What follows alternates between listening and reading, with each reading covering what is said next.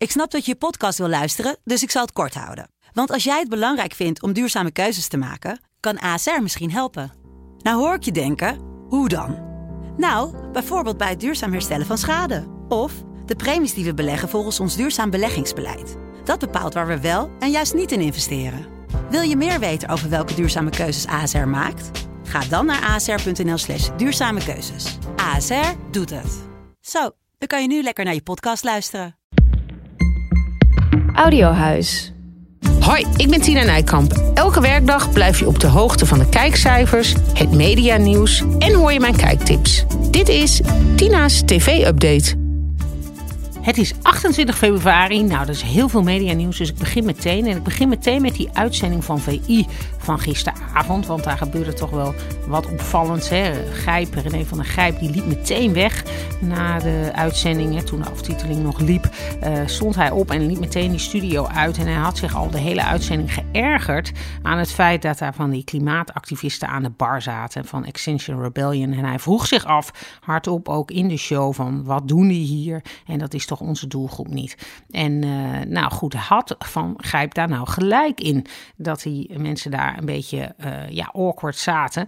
Nou, aan de kijkcijfers te zien wel, want uh, de VI had 914.000 kijkers. Nou, een heel mooi aantal hoor.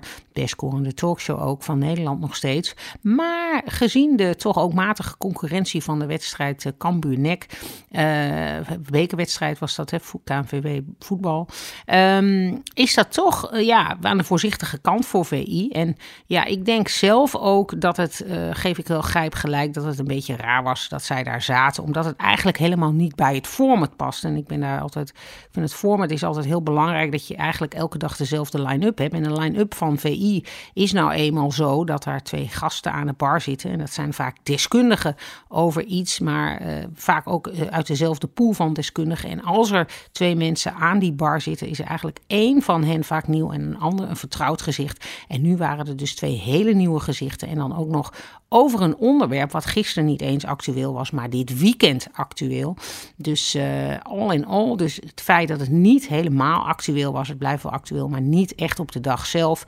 En het feit dat we twee gezichten zagen die we niet kennen. Hè, en niet bijvoorbeeld een uh, Merel Eck bijvoorbeeld, die daar vaak zit, of een Remel Mens, die zat er bijvoorbeeld niet. Maar twee onbekende gezichten. En dan ook nog over dat onderwerp. Dat ging maar door en dat ging maar door. Dus ik geef, geef Gijp hartstikke gelijk dat hij zegt, nou het past misschien niet op deze manier in onze show. En wellicht hadden ze beter één iemand daar neer kunnen zetten en dan een vertrouwd gezicht ernaast. Nou goed, 914.000 kijkers, geen klagen hoor. Maar het was sowieso wel een uitzending waar het weer ook over dat filmpje ging en over Gordon. Vanavond is dan Gordon daar waarschijnlijk te gast. En uh, Gordon zat gisteren bij Sofie en Jeroen en meer over die kijkcijfers zometeen. Maar uh, het ging natuurlijk ook weer over dat filmpje van Eus. Hè, of dat nou dat fragment in die documentaire, of dit nou dat filmpje was of niet. Nou, all in all, uh, Eus heeft vanochtend gereageerd op alle consternatie rondom dat filmpje. En hij zegt, nou niet het filmpje waar iedereen het nu over heeft, was sowieso niet de reden dat ik, ja... Uh, andere inzicht heb gekregen. Het was een combinatie van factoren. Dus Eus heeft nu in een heel lang X-bericht uh, gereageerd op alle commotie en noemt het een mediacircus. En ik denk eerlijk gezegd ook wel dat het nu wel een keer klaar is met dit hele gedoe. Nou, de aandacht gaat zich sowieso verleggen, denk ik. Want wat Wilfred Gené ook aankondigde in VI, was dat er een artikel komt over Bert Huisjes. Een explosief artikel noemde hij het ook. En uh, wie is dan die Bert Huisjes? Uh, nou, ik heb er een column over geschreven vorige week donderdag in de Telegraaf. En Bert Huisjes is de opperbaas van WNL. En uh, WNL komt er niet goed van af in dat rapport van Rijn. Net als hè, waar Matthijs van Nieuwkerk de hele toestand uh, om ontstaan is, um, komt ook WNL er helemaal niet goed van af. Bij WNL zegt 29% van de ondervraagden een, hun werk een kijkcijfer, of een, niet een kijkcijfer, een cijfer van 5 of minder te geven, dus hun werkplezier. Uh, 94% heeft last van pesten, van negeren en nou, zelfs wegpesten. En nou, de, kortom, de resultaten bij WNL liegen er niet om. Er is geen goede werksfeer blijkbaar. En Bert Huisjes heeft daar tot nu toe helemaal niet op gereageerd. Dat vind ik heel vreemd, want het is inmiddels al vier weken geleden, morgen, dat het rapport uitkomt. Nou, ik heb daar een heel uh, column over geschreven. En ik heb er ook even, was er even ingedoken, maar het blijkt ook dat bij WNL die Raad van Toezicht inmiddels nog maar over uit twee personen bestaan. Eén uh, van die mensen zitten ook al heel erg lang. Um, dus nou goed, en Bert Huisjes is dus de directeur van WNL. Hij komt oorspronkelijk uh, uit uh, Drenthe en hij is journalist geweest bij het AD en de Telegraaf. En is een half jaar directeur geweest van Pound. En nu dus al sinds 2011, meen ik, de directeur van WNL. En hij is ook hoofdredacteur. En hij was tot zeg maar een maand geleden ook de enige directeur. Nu zit er een zakelijke directeur naast. Die heeft hij benoemd samen met die Raad van Toezicht, denk ik dan. En, maar hij was dus heel lang zeg maar alleenheerser en had dus heel veel macht. Nou, we gaan het artikel afwachten, maar uh, goed, uh, uit het rapport van Rijn blijkt in ieder geval dat er bij WNL wel van alles aan de hand is. Dus uh, nou ja, we gaan het afwachten hoe zich dat gaat ja, ontwikkelen. Um, maar Bert Huisjes is dus van oorsprong een journalist, een krantenjournalist en is dus pas op latere leeftijd de televisiewereld ingekomen. Toen hij dus uh, bij, uh, ja, bij, eerst bij Poont en toen bij WNL de baas werd. Nou, dan uh, was er nog gisteren nog nieuws uh, dat natuurlijk uh, de meteoroloog Amara, die gaat natuurlijk terug naar RTL Nieuws. Nou, dat is natuurlijk heel fijn voor haar, want zij zat echt ja, zij is naar SBS 6 gegaan uh, een paar jaar geleden. Toen Piet Paulusma daar werd ontslagen, gingen ze dat weer helemaal hip maken en helemaal anders. Nou, echt iedereen zag natuurlijk al aankomen dat dat niks ging worden. Want dat past natuurlijk helemaal niet bij SBS 6, bij die oorsprong van SBS 6. Hè, bij dat doe maar gewoon, dan doe je gek genoeg mentaliteit. Maar goed, uh, Amara werd ook ingehuurd daarvoor en uh, heeft zich laten overtuigen. En daar zal ze heel veel spijt van hebben gehad. Want ondertussen bestaat dat weerbericht bij SBS 6 helemaal niet meer. Ik geloof alleen in de ochtend. Ik zie dat zelf nooit, maar ik geloof dat ze dan nog wel een klein weerberichtje doen. Maar uh, voor de rest is dat helemaal verdwenen. En uh, nou, wat zal ze blij zijn dat uh, ze toch weer terug mocht naar RTL. En hartstikke leuk voor haar. Een hele leuke weervrouw. En het is natuurlijk ontzettend zonde. En nog, ik vind het ook wel heel pijnlijk nog steeds dat ze toen Piet Paulus maar zo keihard aan de kant hebben gezet bij SBS 6. En uh, nou, heel jammer uh, en uh, allemaal heel spijtig. En nou, natuurlijk is Piet helaas ook overleden. Kon hij nog wel toen na zijn ontslag terecht bij Omroep Max. Maar nou goed, het weerbericht bij SBS 6 bestaat ook niet meer dus. Dan kwam gisteren nog het bericht dat uh, uh, Carlo Boshart een serie maakt over Willem Ruis. Nou, de vraag is of dat verkocht wordt. Het is natuurlijk wel iemand die alleen oudere mensen kennen, anders dan Patty.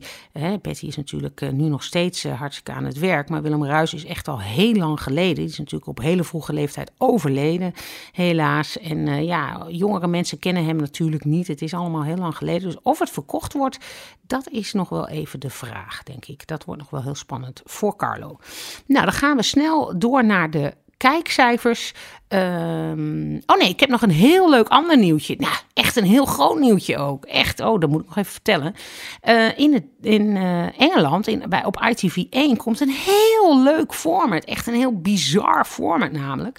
Waarin uh, celebrities, die gaan met haaien zwemmen. En dat programma heet Shark Celebrity Invested Waters. Dus water met allemaal vol met haaien. En daar gaan dan celebrities die bang zijn voor, ja, voor zeg maar water en dieren, die gaan daarmee zwemmen. En elke week worden die opdrachten moeilijker. En uh, nou, het is dus een soort Shark, die film, maar dan uh, ja, in het echt. Dus een soort ja, sterrendans op het ijs. ik weet nog dat wij toen de tijd bezig zijn geweest met zwemmen met dolfijnen. Nou, dat zou nu ook al helemaal niet meer kunnen natuurlijk in deze tijd. Maar dat dan celebrities gingen zwemmen met dolfijnen. Daar kwam toen Reinhard Oerlemans mee met dat idee.